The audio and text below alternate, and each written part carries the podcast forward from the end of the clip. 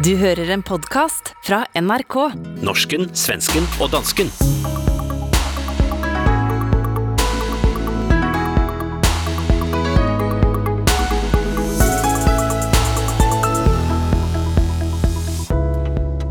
Dansebandoku har satt dansk kulturelite på hovedet, mens svensk kulturelite rister på hovedet av et intervju med en ferske kulturministeren, mens den norske regeringen faller som en stein på meningsmålingene.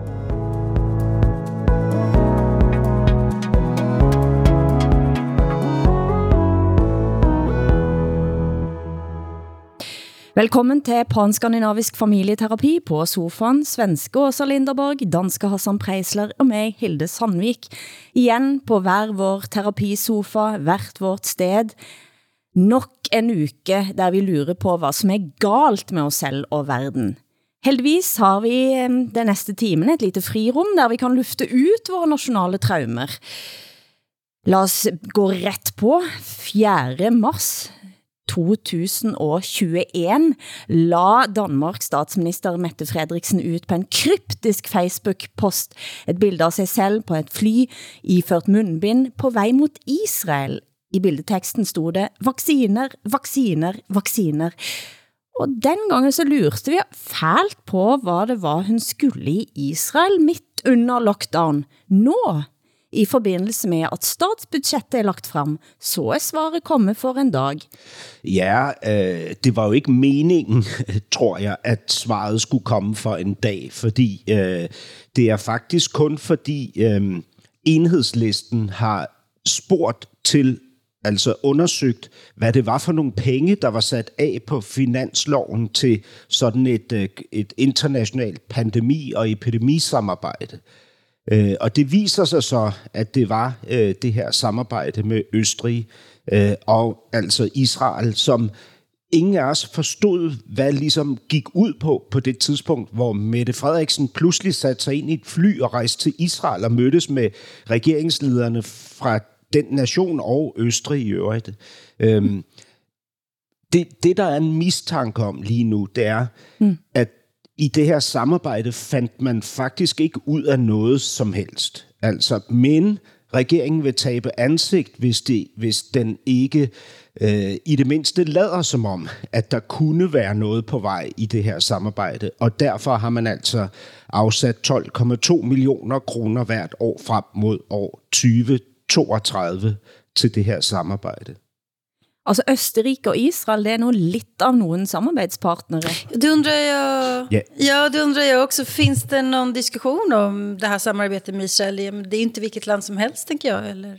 Nej, og, og især på det tidspunkt, hvor Mette Frederiksen tog der ned, hvor, hvor uh, Netanyahu var under anklage for korruption, og i øvrigt stod foran en valgkamp og sådan noget. Det, altså, al, alting omkring det her virker virkelig tosset nærmest som om det var en del af en spionfilm, ikke? Altså i et mm. historisk perspektiv. Igen. Igen, ja.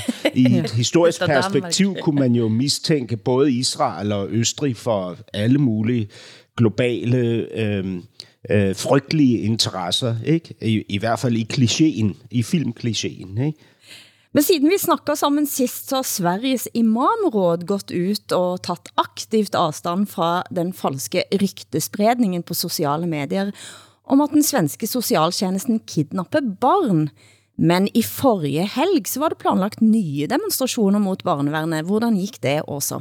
Mm, jo, jeg tror de samlade ett par hundra demonstranter. Ehm, uh, jag kan väl jag kan förstå oron över, alltså om man verkligen tror att sociala myndigheterna ska ta hans barn så kan jag förstå att man går ut och demonstrerar.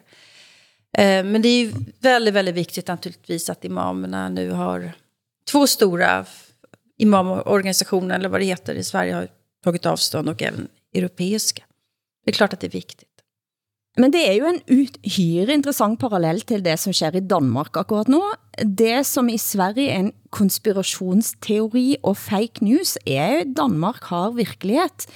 Det er nemlig rekordmange nyfødte som tvangsadopteres bort, viser ferske tal, og de sidste ukene har det kommet frem opsigtsvækkende historier om at det har været bygget ut netværk, som smugler ut gravide kvinder til blandt andet Sverige og Tyskland, for at de skal beholde sine barn efter fødselen. Mm. Det er rigtigt. Øh, der er jo jamen, der er jo sket en eksplosiv vækst i antallet af, af, af tvangsfjernelser af, af børn, ikke? Øh, eller tvangsbortadoptioner er det jo i, i virkeligheden. Øh, det, og det, altså det, det er klart, det, der har været en historie i programmet Genstart med en kvinde, som fortæller sin historie om, mm. hvordan det opleves. For, altså Genstart vurderer ikke, om det barn skal fjernes eller ej. De lytter til historien om, hvordan det opleves, når staten går ind og vil fjerne ens barn. Og det er jo, altså, det er jo en sindssyg øh, øh oplevelse. Altså, og, øh, og et eller andet sted, så er det her jo karikaturen på vores øh, nationalstater, de skandinaviske mm. nationalstater. Man, altså man forstår jo godt, øh, hvis man ligesom trækker den helt ud i ekstremen, hvorfor muslimer kan få den her oplevelse af, af, det, af det her faktum. Ikke? Fordi det er jo vildt. Altså det er jo virkelig, prøv at forestille jer, at staten på den måde griber ind. Ikke? Finns det något mönster? Alltså, vad är det för barn som blir eh, tvångsbortadopter eller tvångsadopterade i Danmark? Jamen, det er jo børn, hvor det vurderes, at de er udsat for ekstrem overlast. Ja. Og det er ofte børn, hvor der er fortilfælde i familien med, mis, med ekstrem mistrivsel ikke? Just det. blandt altså... de ældre børn. Mm. Ja, ja, det er jo ikke tilfældige børn. Det, vi kan, men altså, Mette Frederiksen sagde jo på det tidspunkt, hvor hun trådte til og kaldte sig børnenes statsminister, at hun ville gå efter og ønskede, mm. at staten ville tage meget mere hånd om det her, altså ved at mm. fjerne børn, som kan risikere at blive udsat for, for för intens mistrivsel. Det, det där förvånar ju mig väldigt, väldigt mycket att en statsminister kan gå ut och säga att nu, nu tycker jag att vi ska eh, tvångsadoptera bort barn. Mm. Det, är ex, det är extremt auktoritärt. Eh, jag funderar överhuvudtaget på att ad, om adoption ska vara en lösning eh, för något barn egentligen. Men i Sverige så har vi en annan diskussion och den går ut på att staten inte inte eh, att socialtjänsten har låtit barn fara illa. Vi har ju några exempel, tre exempel de senaste tio åren där barn faktiskt har blivit misshandlade till döds av sina föräldrar därför att socialtjänsten har sagt att eh, de ska inte vara hos fosterfamiljer utan de ska tillbaka hem till sina föräldrar som har eh, svåra, svåra missbruksproblem, våldsproblematik och de barnen har dött. Jag tycker jag tror att jag tycker att, eh, att vi i alla fall i Sverige har haft den här idén om att en förälder alltid har rätt till sitt barn. Att det, barn far illa av det. Och mm. att vi i Sverige faktiskt skulle behöva ta hand om barn lite bättre via socialtjänsten. Men att tvångsadoptera som i Danmark och att statsministern också gör det som en paroll är ju väldigt eh, märkligt. Ja, yeah. Svenska Dagbladet skrev for et år siden eh, at i sitt første nyhet, nyttårstal som statsminister 1. januar 2020 talte Mette Fredriksen om behovet for at øke muligheten for at adoptere bort barn uden forældrenes samtykke. Og den processen kommer også til at, at, at bli forsinket på grund av pandemien, men, men eh, jeg er nødt til eh, fra norsk side her at, sige, at i Norge, Norge er jo et av de få lande i Europa, der tvangsadoption har været mulig eh, længe, eh, og i mellem 2011-2014 var det en kraftig økning i antal barn med vedtak om adoption i fylkesnemnda. Nå ligger tallet, hvis jeg har eh, tjekket det ret, på mellem 60 og 70 barn i året. Men, og det er jo interessant, Norge er dømt i 14 barnevernssaker i Strasbourg i nyere tid. Tre av dommene er relativt ferske. Vad betyder det? Att de är dömda till vad då? Att ni har dömt? I menneske, menneskerettsdomstolen i Strasbourg har vurdert det til at vi bryter med familieloven, rett og slett, ved at tvangsadoptere barn. Ah, okay. jeg forstår. Altså for rigtig mange år siden, øh, i et af de mange steder, jeg har boet, der var der i ejendommen øh, et par, som fik et barn. Øh, de var jamen de var nogle utrolig sympatiske, meget, meget kærlige mennesker, men de var misbrugere begge to. Og når han drak, så blev han meget, meget voldelig. Når hun øh, tog stoffer, så blev hun totalt fraværende. Da de fik det her barn, der kom øh, de sociale myndigheder ind i ejendommen og fjernede barnet, og vi hørte det ned ad trappen. Altså lyden af mennesker, der gik med en baby, der skreg, og en kvinde, der råbte øverst op. Ikke? Altså det var, det var det var det, der skulle ske efter min overbevisning naturligt, fordi det barn ville, ville have Jamen altså, jeg er i tvivl om, det barn ville have overlevet. Ikke? Samtidig så var det jo altså den frygteligste begivenhed, og det påvirkede alle i, i den ejendom i lang tid efter. Og de her forældre, de klarede den heller ikke på den lange bane. Altså det, det her at få fjernet barnet, drev dem endnu længere ud over kanten. Ikke? Så på, på alle områder var det her jo øh, sikkert nødvendigt, men dybt, dybt tragisk. Ikke? Du hører norsken, svensken og dansken i SR, DR og NRK.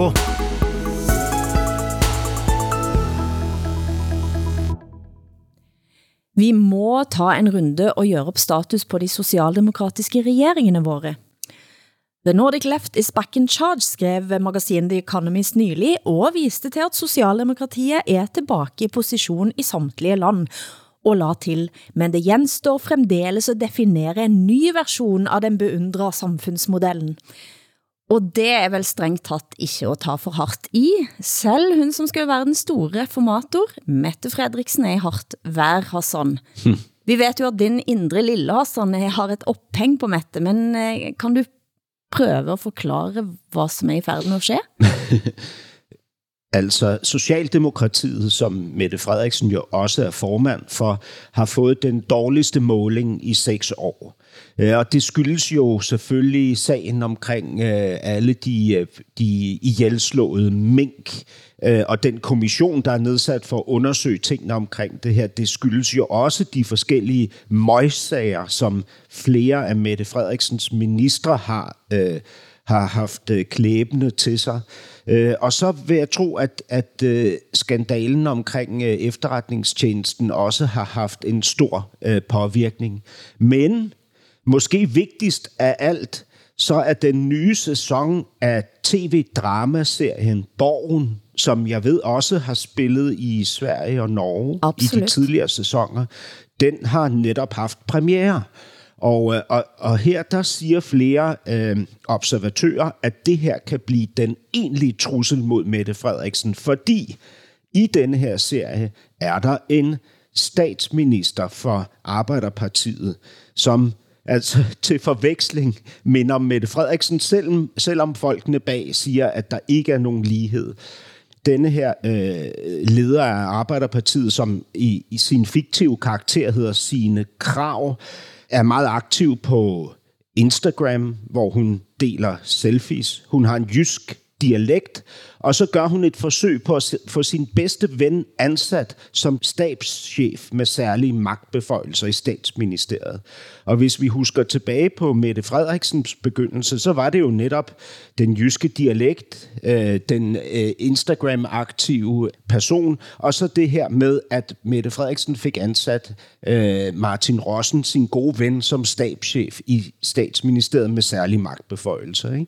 Og, og, og det her i, i fiktionen, så kan karikaturen jo blive så ekstrem, at Mette Frederiksen kommer til at stå over for et valg. Skal hun grine af det her, eller blive vred over det. Ikke? Mm. Og det, det, der er altså flere analytikere, der mener, at det her kan blive den øh, afgørende begivenhed, der vil påvirke øh, fremtiden for regeringen. Åsa, du har jo også været optaget av Mette Fredriksen. ja. Sett fra Sverige. Mette Fredriksson är ju, är ju intressant därför att hon har gjort sådana inbrytningar, tagit tillbaka stora delar av eh, arbetarklassen till, till väljarkåren genom bland annat den här stora pensionsreformen, men extremt auktoritär i andra frågor, asylfrågor till exempel, och märkligt ledarskap överhuvudtaget, tänker jag, med, med mycket som har med minkarna att göra, eller metoo-frågan i Danmark, eller, eller sådär. Men... Eh, alla fall några exempel på vad man kan säga är socialdemokratisk politik, nämligen reformpolitik. Och det kan man ju då jämföra med Sverige, där eh, det går ju bra för Magdalena Andersson och Socialdemokraterna i opinionsundersökningarna. Men det är ju ingen som kan säga att vad det är för politik som är typiskt socialdemokratisk. Mm. Och hon har ju ett, ett eh, regeringsunderlag som bråkar. Eh, och hon vinner ju på att oppositionen är så svag just nu också. Ja. Eh, där Sverigedemokraterna hela tiden eh, spelar Svarte Petter. Och eh, två partier ligger väldigt nära spärren. Och jag tänker på det när man pratar om att eh, den nordiska socialismen är tillbaka eller nordiska socialdemokratin är tillbaka. Så det kan man ju säga att det är de som, förut, alltså det är, de som är regeringsbildare. Men vad är det för politik som vi kan säga är typiskt socialdemokratisk i Norge, Sverige och Danmark eller Finland? Det är ganska svårt tycker jag att säga. Mm. Väldigt svårt. Och i Norge går det ju jättedåligt för Jonas Gahr Støre. Varför gör det, vad är det som händer där och ser? Altså, Støre kikker jo vestover på, nej, altså Støre kikker mot Danmark på jagt efter inspiration. Og slagordet så vant valget i Norge, nå er det vanlige folks tur, var jo en ren blåkopi av Team Fredriksens vinneroppskrift. Mm. Det ser ikke særlig lyst ut uh, længere, ikke særlig mye jub jubel og sporer. Altså, hvis vi først skal ta eh, regeringen, så kan vi først sige, at Centerpartiets partileder Trygve Slagsvold Vedum, som lo hele vejen ind i finansministerposten, han mister nå vælgere i rekordtempo til partiet Rødt. Va? Jaha. Altså, længst til venstre. Vilka svängningar. altså, næsten halvparten av vælgerne har forsvundet siden valget. Men hur kan man, vad är förklaringen då? Varför? Nej, og det var disse vanlige folks tur. Altså, nu møttes en jo både med coronarestriktioner videre, men en møttes jo også med, med strømprisen og strømkrisen. Og i Norge er det en ganske særlig sak, fordi vi har været så vant til at ha så lave strømpriser. Ja, ja, det er klart. Fordi at vi har så mye vand, blandt andet. Ja. Og olie. Og, og, og oljen, oljen skal vi komme tilbage til, men altså, nå, strømprisene har jo ikke været så vært veldig påvirket av olje, oljen da. Men altså, næsten halvparten av vælgerne har forsvundet i valget. Partiet har en opslutning på 7,9 procent. Altså lavere end både Socialistisk Venstreparti og Rødt. Arbeiderpartiet, de har eh, også altså de er nå nede på 21,9 procent, hvis vi tar med procentene, altså på den sidste målingen, det er 4 procent eh, lavere end stortingsvalgsresultatet.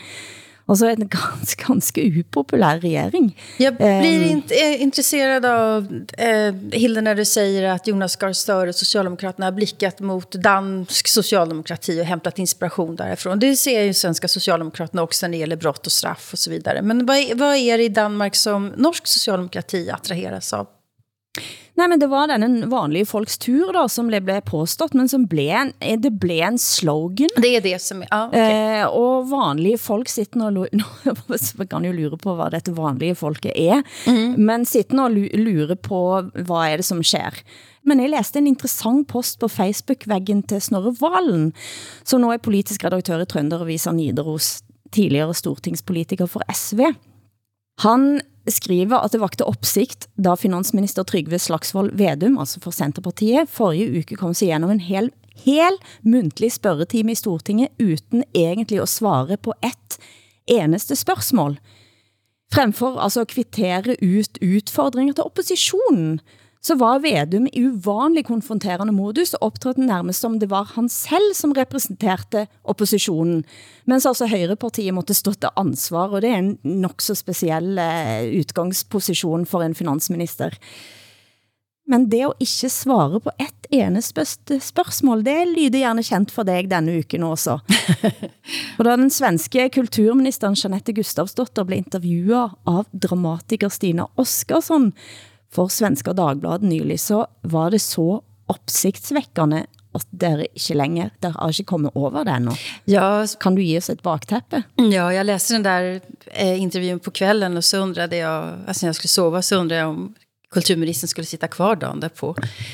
Eh, ibland när man läser en intervju så förstår man att det här, det här är en intervju som man kommer att prata om i resten av alla tider. Och det här var en sån. Och eh, vi har alltså en ny kulturminister i Sverige som inte har någon erfarenhet av varken politik eller av kulturbranschen. Och det är inte första gången. Och det är också typiskt att det är just kulturområdet som, som får såna ministrar. Man skulle inte kunna göra det med något annat politikområde. Men hur som helst så kunde då Jeanette Gustafsdotter som hade fått frågorna långt i förväg dessutom, inte svara på någonting. Utan det enda man förstår är att hon har en hon, alltså, sakpolitisk, okunnig, Eh, in, ingen ideologisk uppfattning och viljelös är sammanfattningen. Och hon säger då att hon har bara suttit åtta veckor på posten, nu, nu snart tio då. Men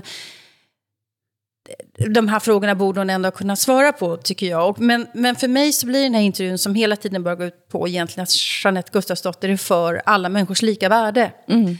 Eh, och eh, tolerans, och hon är emot hat och hot och så.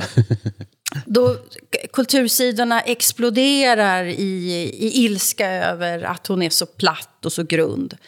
Men jag skulle nog säga att hon är ett destillat av hur, vad kulturjournalistiken i Sverige och kulturbranschen faktiskt har predikat i år efter år efter år. Det är de här värdena. Det har inte varit särskilt mycket mer, större intellektualitet egentligen, än det här. Altså, det, alltså, du, det, det du säger är att själva konstbranschen har formuleret ja. sig på samma måde, som ja. ministern nu gör ja. i i årtier? Ja, det skulle jag säga. Alltså, vi har, alltså kulturvärlden, inklusive kultursidorna, eh, har dragit upp en linje att gräns, gränsen går mellan oss som tror på alla människors lika värde och de som inte gör det. Och det är bara den enda linjen som finns.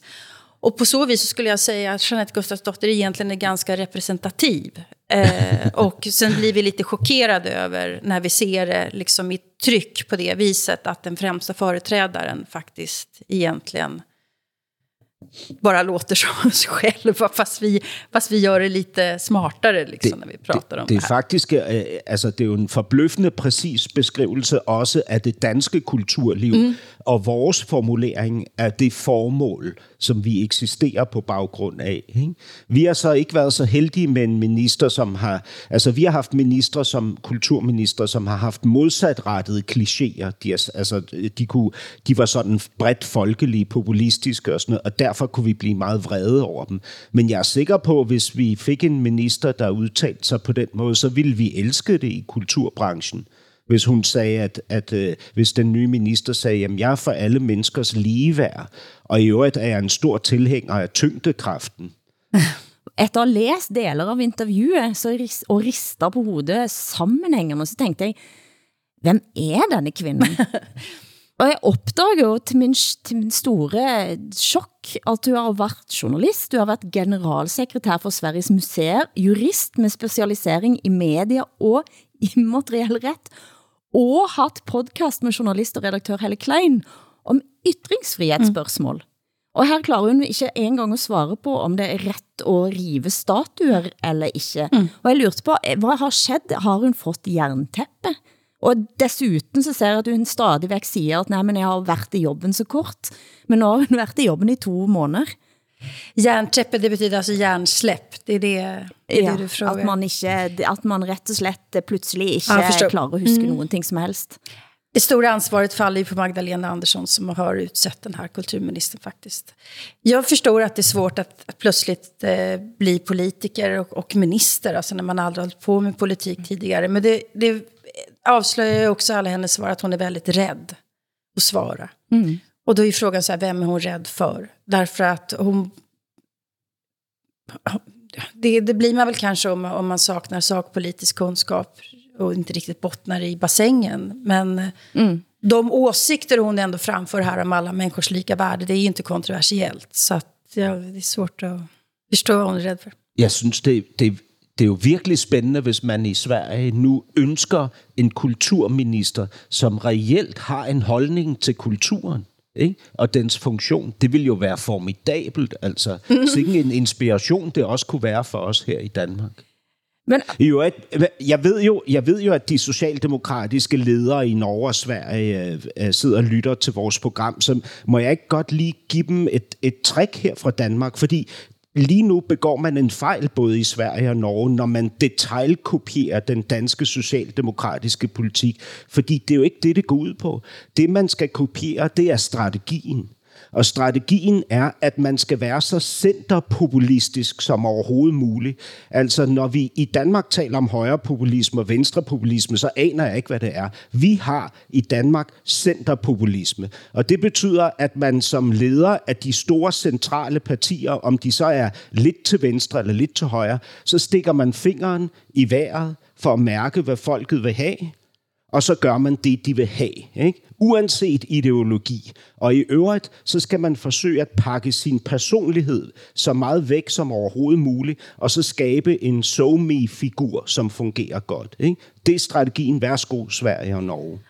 Det var jo særligt Centerpartiets eh, strategi under valgkampen. Uh, netop med at stikke fingeren i, i luften. Men så kom han altså i position og klarer ikke lægge fra sig oppositionspolitikken samtidig som han heller ikke klarer at gennemføre nogen ting som helst. Så, så det, det virker jo som at det er en ganske vanskelig balancegang også for Mette Fredriksen nå i øjeblikket, som taper terræng. Men jeg, det virker ikke så længe.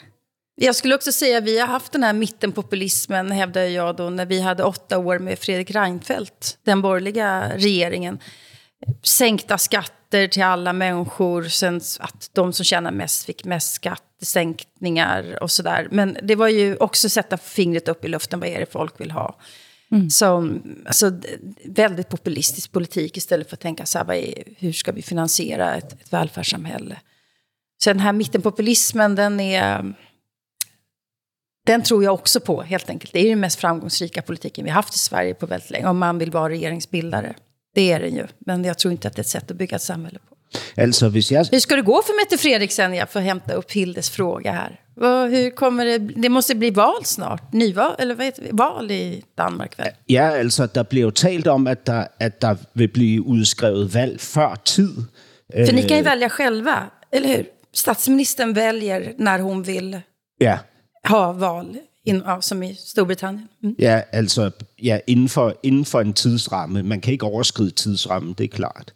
Og, og der bliver talt om lige nu, at, øh, at, at hun vil udskrive valg før tid på grund af kommissionens mm. arbejde, og at hun vil, og at den næste regering vil blive en flerpartis regering, altså at de, de partier, der i dag er støttepartier, vil blive inkluderet i selve regeringen. Altså, det, vi ved jo ingenting om mm. det. Altså, det, det jeg tror, der kommer til at blive afgørende, det er, om Mette Frederiksen og hendes regering nu føler, at de har haft så meget medgang, at de kan begynde at vise noget ideologi og noget personlighed, fordi så har de tabt. Ikke? De skal jo fortsætte strategien, som er ikke at have nogen personlighed og pakke alle ideologierne væk og gøre, hvad folket vil have. Ikke? Hvis de, hvis de bare havde holdt snuden i sporet, så var det ikke sket det her med de dårlige meningsmålinger. Ikke? Alle taler om denne doku, skrev du til os, Hassan, sammen med en lænke til traileren for filmen Candice for livet. Kan du først kort fortælle, hvad den handler om? Hvem er Candice? Can, Candice er en musikgruppe, uh, som, som, uh, som spiller dansk, dansk topmusik. Har, har, I sådan noget, har I noget, der hedder svensk top og norsk top? Alltså är det, är det sån här, är det sån här dansbandsmusik som man dansar till, foxtrot? Är det alltså så arbetarklassmusik, så som vi har i Sverige med Arvingarna och Visex och... Vikingarna. Vikingarna. Jag, jag, tror inte ni, jag tror vi är ganska ensamma om det i Sverige, men är det något liknande? Nej, altså i Danmark har vi jo øh, et, et meget udbredt fænomen eller en genre, som hedder dansk top, ikke? som er okay. ekstremt populær uden for de kulturelitære kredse. Altså dansk top er sådan... Det er omtrent det samme. Det er okay. Sett utenfra. Men det var fordi Åsa sagde foxtrot. Man dansar foxtrot, alltså man, ja men kramgoa låtar, man... Eh... Ja men det är inte foxtrot det också, är det där kallar du det? Jag kan inte dansa, det är, det är jag kan inte dansa. Min pappa sa att jag, jag är så vig så jag skulle kunna vara med i radiobaletten. det bara dunsar när jag dansar. Men det är det samme, jag kan bara lägga till att i Norge så är, så, snak, så är svensk topp stort. Ja, okej. Okay. Ja, men vad, berätta om den här dokumentären som alla pratar om då. Nå, men den her dokumentar er blevet vist på, på Danmarks Radio, på øh, hovedkanalen, og, øh, og, og den er blevet set af virkelig, virkelig mange mennesker. Altså øh, øh, helt ufattelig mange øh, mennesker har set den og har en holdning til den. Og det er især, hvad kan man sige, øh, netop før omtalte kulturelite, som, som bruger den her film og poster deres oplevelse af den på de sociale medier. Og det er en oplevelse af, at de har fået et indblik i nogle helt særlige menneskers helt specielle liv. Ikke? Altså øh, dansk top stjernen, øh, men mm. endnu mere dansk top-fansene, altså de her øh, marginaliserede, øh, øh, ja, øh, altså øh, med et nedladende ord vil man kalde dem udkantsdanskere. Ikke? Altså är det vanligt, og, og, är det working class people, eller vad, alltså, är de marginaliserade? Altså hvad menas med... Ja, altså det vil jeg sige, når man, altså de her figurer, der dukker op i den film, er det. Altså, og jeg har mm. ikke, altså, der er jo ikke noget negativt at sige om dem. Nej, nej, jeg bare, jeg bare forsøger at forstå. Mm. Ja, og jeg, jeg har faktisk ikke engang nogen anke på den måde, de fremstil, i forhold til den måde, de fremstilles. Det, det, der får det til at krympe sig i mig, det er, når vi her i hovedstaden fra vores, øh, fra vores glastårne sidder og vurderer det her som noget helt særligt. Vi har fået et helt specielt indblik i, altså nogle andre menneskers øh, helt ekstraordinære, mm. øh, anderledes liv. Ikke? Øh, det minder mig om, om, om sådan noget, som vi, vi har gjort så mange gange før. Altså da, da rapstjernen fra Vestegnen, øh, Tessa, blev bedt om at holde nytårstalen på DR2 på, i programmet Deadline, deadline på DR2 er jo kulturelitens nyhedsprogram. Ikke? Øh, når, når digteren Yahya Hassan dukker op der og, og vælter alting, ikke? og lige pludselig kan sælge flere hundrede tusind eksemplarer af sin digtsamling, ikke? og kommer ud og læser. Og det, det, det, er sådan en, det er sådan en sær øh, e-, eksotificering af nogle mennesker, som jo dybest set minder ufattelig meget om os, men som vi har et, et behov for at, at studere næsten antropologisk, ikke? men oppefra, altid oppefra. Ikke? Men det finns ju, ja, alltså vi, vi har haft den här diskussionen i Sverige också om eh, eh dansbandskulturens status och sådär.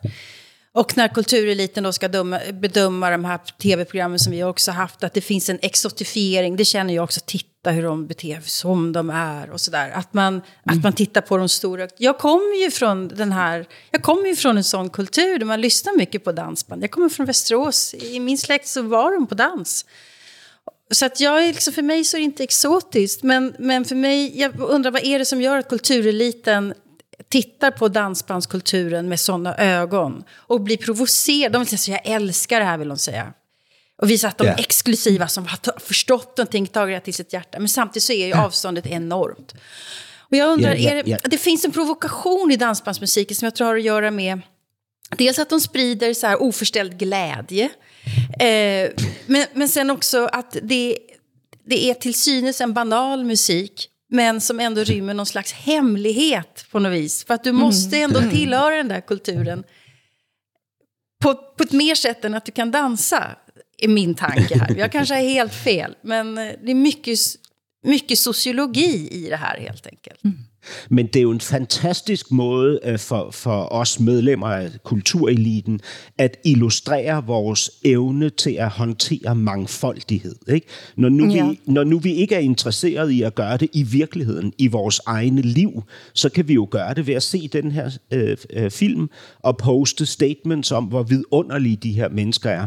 De her mennesker, som vi ikke kunne drømme om at invitere ind til et middagsselskab på noget tidspunkt Vist. overhovedet. Ikke? Exakt. Det, men men du har ret, Åsa, det er også som om, at vi har en forestilling om, at der ligger en, en urvisdom i de her mm. øh, tekster. Altså, at man ude i de her etniske eller arbejderklasse miljøer ved noget, som vi andre har glemt. Ikke? Mm. Og det er og sandt det, det, synes jeg, det er det. ja, det tror jeg.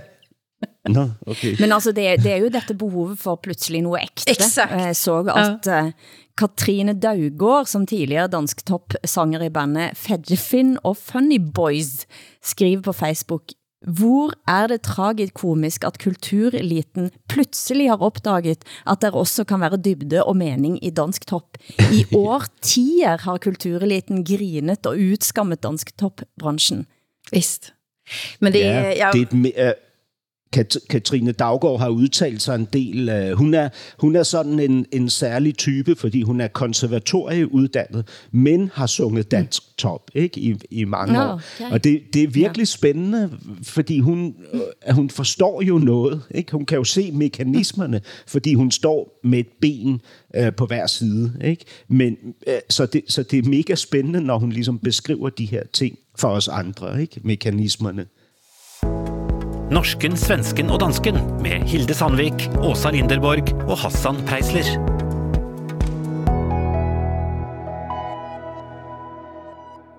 De sidste ukene har det været en intens debatt i Norge. Fra flere hold har det kommet vittnesbyrd fra unge mennesker, gjerne født og opvokst i Norge, men med bakgrund fra andre land, som skriver at de nå ikke længere vil anse sig selv som norske.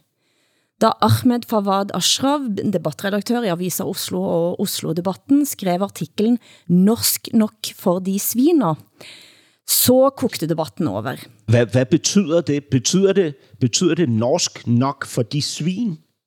Det som jeg kan sige er, at dette er også en allusion til en titel av en bok skrevet av den norske næringslivslederen Anita Kron Tråseth, som skrev en bok som heter Godt nok for de sviner, som handler om kvindelige ledere i næringslivet, eh, som, som hele vejen står op eh, mot, eh, mot mænd, og så skrev den titlen, så hans okay. titel, den spiller altså på, på Så det er ikke lige så voldsomt, som det lyder? Men det er selvfølgelig en veldig tabloid og tydelig titel, som peke på Tråseth sin, eh, sin bok, da, som blev en bestseller, og som mange kender til, men kender man ikke til boken, så kan man jo let bli eh, provoceret. Men her skrev han også, længe har jeg lett efter opskriften på hvad som gør mig norsk nok, og afslutte jakten har været dybt befriende. En av de det kokte over for var Abid Raja, som er tidligere kulturminister, og på debatten på NRK var han næsten på gråten, og han kaldte det for farlige tanker. Det som er så leit å tenke er at du som debattredaktør altså lar den ene eller de enkeltepisodene få lov til å vinne frem på bekostning av alt det positive for som du også har opplevd. For det må du jo ha opplevd gjennom skolegang, gjennom oppvekst, i nærmiljøet. Altså Du har jobbet i Aftenposten, i VG, også her i statskanalen NRK, og nå er du debattredaktør. Og takket være alt det norske samfunnet nettopp har bidratt av inkludering rundt Fawad, har gjort at du har fått alle disse posisjonene. Og det som er så synd, er at du lar du definerer deg ut av det norske fellesskapet, basert altså på den ene kommentaren, og så ser du vekk ifra alt det positive. Nei, Abid, jeg gjør ikke det. Jeg definerer meg ikke ut av fellesskapet. Jeg visste da jeg skrev dette at jeg må velge mine ord med omhu, fordi mange vil ikke forstå hva jeg prøver å si. Og jeg melder meg ikke ut av samfunnet, snarere tvert imot. Hvordan kan jeg være utmeldt av samfunnet når jeg står her og gjør det jeg gjør? Jeg kommer til å bidra på akkurat samme måte før jeg skrev, som etter. Jeg tænkte lidt på dig, Hassan, og fordi du har pakistansk far, og flere av ungdommene som har stått frem, har gjerne en forælder med en anden landbakgrund. Kender du dig igen?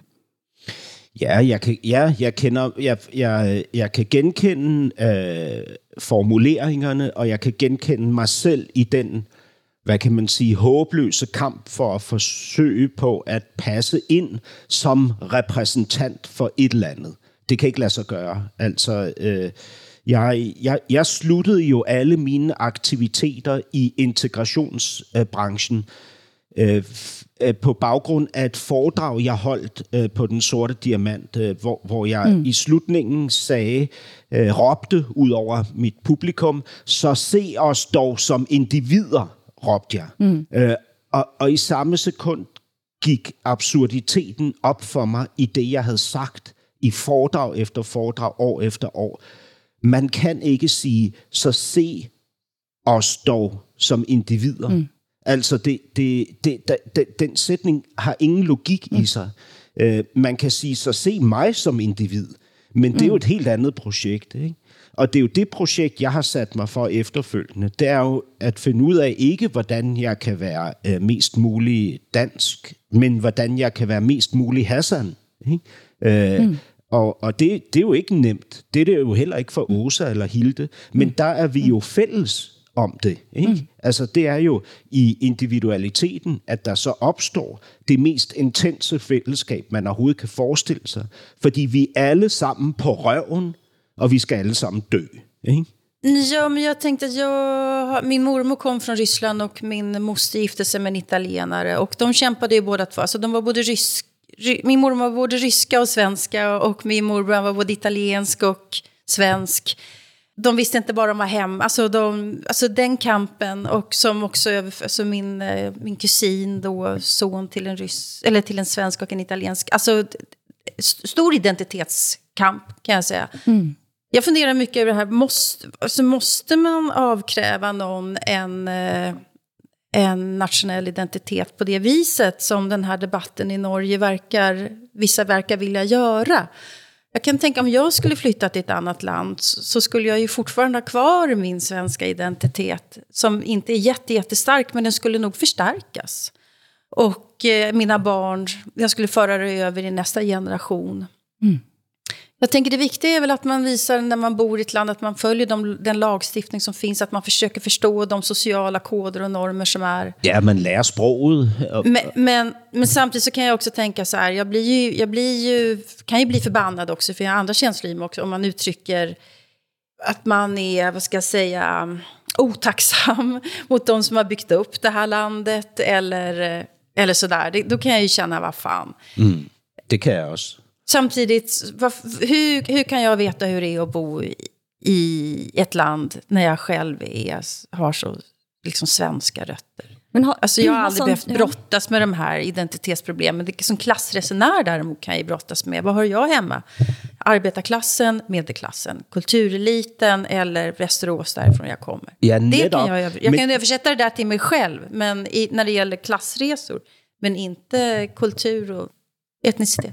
Og det, og det er jo også måske i virkeligheden lige så centralt. Ikke? Altså min, min far kommer fra den, en pakistansk øh, øvre middelklasse familie, hvor de alle sammen er højt uddannet. Han blev sendt til Cambridge for at studere. Ikke? Allerede som 16-årig var han i kontakt med det sekulære i sig selv, ikke? Med, ate, med den indre ateist. Ikke? Det vil sige, han kommer jo til Vesten med et, med et, øh, med et ønske om et, et anderledes syn på religion, på kvinder, på korruption og, og så videre. Ikke? Øh, og, og, og møder jo så en, en dansk kvinde, som også kommer fra, fra en øvre middelklasse eller en kulturelitær familie, ikke? og bliver så gift med hende. Så på den måde har rejsen jo været lang i kilometer, men måske ikke helt så lang i kultur, som man kunne forestille sig. Altså, men det jeg har tænkt lidt på, er at en, eh, en, vel, en, en peker også da på noe, det norske som noe singulært. Mm. Altså, det fratar også med muligheden til at, at ha mange identiteter, for eksempel. Eller som, som en uh, Jørgen Soli, student, skriver i, uh, i Avisa Oslo. Ved at, frasi sig, ved at frasi sig det at være norsk, har man gjort et, en social følelse til et politisk valg, som berører mig like mye som dig, skriver han. Eh, og, og, og det er vel kanskje netop denne følelsen, at hvis vi, hvis vi ikke kan ha noget fællesskap, eh, så er der en sorg i det. Men det, det är det ju. Alltså, vi, alltså, vi måste ju bygga samhällen där vi, där vi är, menar jag i alla fall, så, så jämlika som möjligt och förstå varandra så bra som möjligt för att vi ska känna att vi delar ett gemensamt öde. Annars så, annars så spricker ju samhällen isär. Men den frågan är ju, det kokar ändå ner till så här, vad är man när man är svensk? Vad är man när man är dansk? Vad är man när man är norsk? Ja. Och, och när, mm. när de här startar den här debatten då, jag vill inte vara norsk, då, då, kan, jag, då kan jag ju undra, vad i det norska, alltså känner man sig inte välkommen eller är det någonting i mm. det så kallat norska som man inte vill ha? Alltså som mm. man aktivt väljer bort eh, för att det passar en inte eller man kan inte leva upp till det. Eller vad är det för något? Mm. For mange av de som deltar i denne debatten, så har det genierklærte bandet Carpe Diem blitt et befriende lydspor. Karpe er en norsk eh, rapgruppe fra Oslo, bestående av Magdi Omar Ytreide, Abdel Magid og Chirag Patel. Og efter at hørt låten Barafairus, skrev journalist og forfatter Johan Shanmugaratnam en artikel i Klassekampen, som jeg, jeg må indrømme, at jeg også fik tårene i øjnene av at læse. Han har læst deler av denne teksten på NRK. Ja, en fantastisk tekst var det. Et sted i den forrige utgivelsen til Karpe, så er det en liten samtale mellom Chirag og faren. Og etter å ha mimra litt, så sier pappaen, tiden har gått da. Kan ikke klage for småting nå. Og sånn er de. Foreldrene våre, som bare har jobba og holdt kjeft. uten at noen har invitert dem til Dagsnytt 18 for å diskutere ytringsrommet eller noe annet. For dem som prøver å forberede seg på å dø i et fremmed land, så har den klissete kaka eller den koppen med altfor søt te vært den raskeste og billigste billetten hjem. Det, den, det er en sang som handler om forældrene, rett og slett. Eh, at det er det bindeledde man har til en tid forut, og en så stor del av historien forut. Og jeg tror kanskje Karpe med, med sitt, eh, sitt, sitt album, som gik rett ind på alle mest spilte lister, har eh, været den bedste brobyggeren ind i, ind i denne debatten. Jag tyckte också det var fantastiskt och bara den här, den här att, att förbereda sig på att dö i ett annat land. Det träffar ju rätt i hjärtat, den frågan. Mm. Altså, nu, nu, jeg, nu jeg, jeg bliver nødt til at sige noget til jer. Altså, som, når, når man er øh, brun i en hvid sammenhæng, som jeg er, ikke, så finder man ret hurtigt ud af, hvordan man kan, hvilke violiner man skal spille på, for at, øh, for at få det, man har brug for. Og det, man jo har brug for, er empati, sympati, kærlighed, opmærksomhed osv. Ikke? Øhm, og, og altså, i det øjeblik, at jeg kan kuppe fortællingen om, hvad det vil sige at være brun i en hvid sammenhæng, at det bliver min fortælling, ikke? så får jeg så ekstremt meget magt. Øh, og derfor skal man være opmærksom på, at der i de her miljøer, som vi kan kalde indre, øh, indvandrermiljøer, eller hvad, hvad vi nu end kalder dem, at der altid vil være en meget, meget intens kamp om om øh, magten over narrativet, ikke? Fordi den, der har magten over narrativet, får alt kærligheden, ikke? Som den her rapper jo lige nu tydeligvis gør, ikke? Men som, som også har eh, ikke hatt, fordi de har også vært i store diskussioner og debatter, og det jeg ser nå er at mange av mine venner med netop minoritetsbakgrunn kender sig i slægt med og får et talerør, eh, som denne teksten blandt andet, som blev trykket i klassekampen, viste da. Ja, ja. ja okay, jeg forstår, og det er også fair nok, ikke? men mit talerør er jo altså lige så meget som det kan være denne her unge rapper, som, som taler om at dø i et, i et fremmed Karpe er en gruppe, og de er ikke så unge heller. så, kan, jamen, så kan det jo lige så godt være Kirkegaard, eller Dostojevski, eller, øh, eller øh, men, Rachel Kosk. Men, ikke? Altså, nej, kør. Sig, sig klart. Nå, ja, jamen, jeg synes bare, at vi, vi skal være virkelig, virkelig varsomme med ikke at reducere, eller lade os selv reducere til øh, for eksempel en, en, øh, en, et medlem af en gruppe, som har samme hudfarve. Ikke? Mm.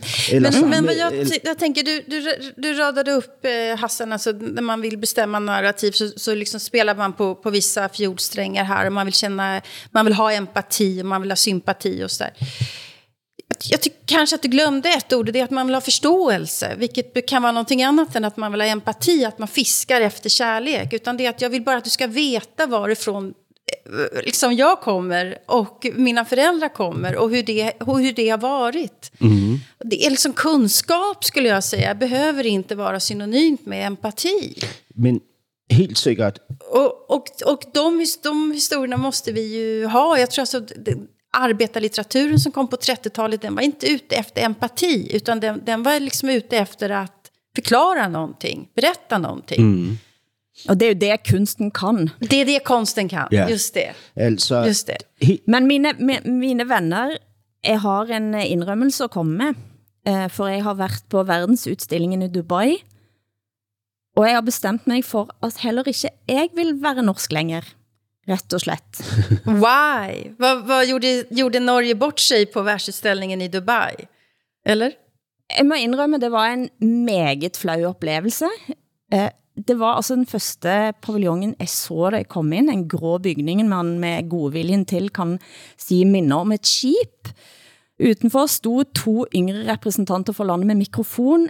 Altså de minte mest om sådanne indkastere, som du har i syden. Uh, og de skulle opildne oss som stod i køen for at komme ind. De ville vite om, om, om folk vidste at vi spiser laks i Norge, og at vi har fjell. Og så var det da altså, det som skedde var en, en film på liksom mange skærmer bortover, og, som blev vist om Norges fortræffelighed som havnation. Her fik vi vite at Norge spiller en central rolle for at berge havet. Og vi bliver vist en slags animation over alt vi skal gøre med havet. Altså så at sige uden at nævne oljen. Altså, vedkommende som var med mig på dette mitt følge, sa altså, huff så barnslig og skrytete. Så jeg bare kjente, jeg, åh, jeg var... Jeg var, jeg var rätt och slett bara flau. Det lät lite svenskt annars skulle jag säga, att, att markera sin egen förträfflighet. Men eh, vad gjorde svenskarna på den här paviljongen då? Den är vacker, den ser ut som en slags skog rolig, ingen som roper skrytord i mikrofonen, kunne bare gå helt enkelt igennem. Du havde en app, og så kunne du liksom ja, finde ut, hvad gør Karolinska for at styrke hjertemuskulaturen, holdt jeg på at sige. Eh, altså, og små enkle historier er ganske vakkert rum. Mm. Altså, mit, mit håb om noget, som kunne være værre end det norske, det var jo endnu ikke over, så på vej mot den danske paviljongen i dette helt fuldstændig absurde spil. Jeg må sige, hele verdensudstillingen var som at være inde i en Black Mirror-episode. Mm. Og så, Hassan, så kom danskene. Ja. og på hjemmesiden så står det, at vi skal experience Denmark with all senses. With all? Senses. Senses, okay. Ja, og her skal vi da altså bli, be engulfed by mood of coziness and feelings of contentment. Uh-oh. og vi skal lære, vi skal lære ordet hygge. Hold da kæft. Ja. og altså... ja. og, og der som... Hassan, det ser ut att skämmas nu faktiskt. ja, det synes jeg er pinligt. det försvinner ut i bild, vi som ser dig. som vill inte vara med. Nej. Jeg må indrømme, at dersom dette hygge, så skal jeg aldrig igen bruge det ordet. altså, du kom, ind, du kom ind i et sådan hvidt rum, som så ut som sådan butik, som solgte kontorbelysning, der man havde placeret veldig tilfældigt nogle danske genstander, man kunne se på. En butik, som solgte noget dansk design, i et veldig, veldig dårlig belysning, og så gik man op en trang trapp på en takterrasse, som skulle være et såkaldt lighthouse ifølge hjemmesiden på Expo. Der, der det var rett og slett eh, Carlsberg og hamburger og, og veldig dårlig musik. Altså det var rett og slett som at være på danskebåten. På dan, dan, danskebåden, det... Du vet denne, denne båten som går i... Ja, det... Den går igen mellem Danmark og Norge. Hedder den Danskerbåden? Ja, okay. Ja, den heter Danskebåten. Den åkte jeg, den åkte jeg i somras, ja. Ja, hvad, hvad, altså ja, du har ret. Det er pinligt, det har du ret i, Åsa. Ja, men hvad, hvad, altså, hvad kan man... Ja, på en måde er det jo godt, ikke? Fordi vi skal jo boykotte de der lorte nationer, ikke? Øh, altså, øh, øh på samme måde med... Så har jeg jo, ligesom den danske regering, har jeg besluttet mig for at boykotte OL i Kina, ikke? Fordi Kina er jo også en lorte nation. Øh, så derfor har, ser jeg ikke noget, øh, øh noget fra OL. Øh, det har ikke noget at gøre med de danske resultater. Øh, selvfølgelig ikke. Ni har inga resultat överhuvudtaget. Det har noget at gøre med, at det foregår i... Ja, og på samme måde, så synes jeg jo bare, at vi skal boykotte Dubai og, og VM i Katar. Og så. Det, det bliver lidt sværere med VM. Det var en slags form for dansk, dansk boykot dette. Ja, vi sendte det værste fra Danmark til verdensudstillingen i Dubai som hævn for, for deres syn på menneskerettighederne. Værsgo. Jeg tænkte, at vi kunne gå ut med lidt rap. Ikke Carpe Diem, heller ikke um, dansk top fra Candice, men nærmere bestemt dansk kommune-rap. For forrige uke brakte Frederiksborgs amtsavis denne opsigtsvækkende nyheten at den danske rapperen Jesper Jokeren Dahl havde tilbudt at lage en hip-hop anthem til en af Hørsholm kommune, mot at de betalte han 13.000 danske kroner. Overskriften var, rapper vil synge om Hørsholm, hvis bare kommunen betaler. Saken blev plukket op av Berlingske. Det var bare et problem, Hassan, og hvad var det? Og det er jo lidt trist, at der var et problem, fordi jeg troede at nu, at vi endelig i Danmark kunne matche de svenske kommunedigtere ved at, at have en kommunerapper.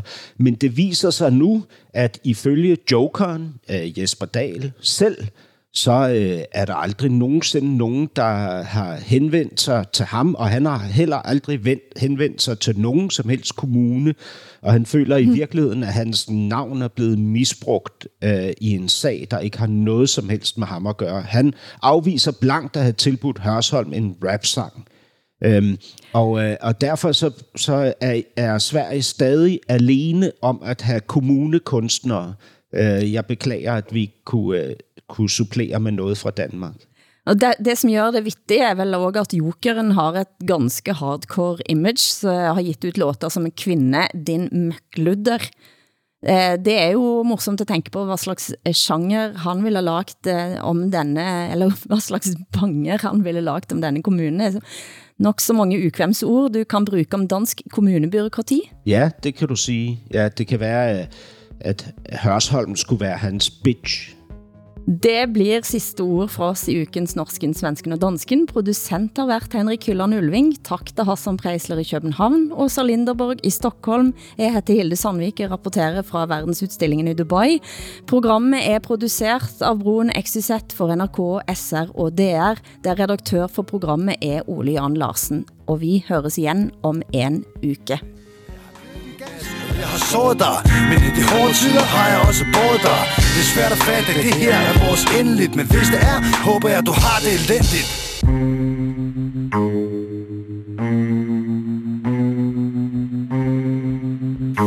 luder!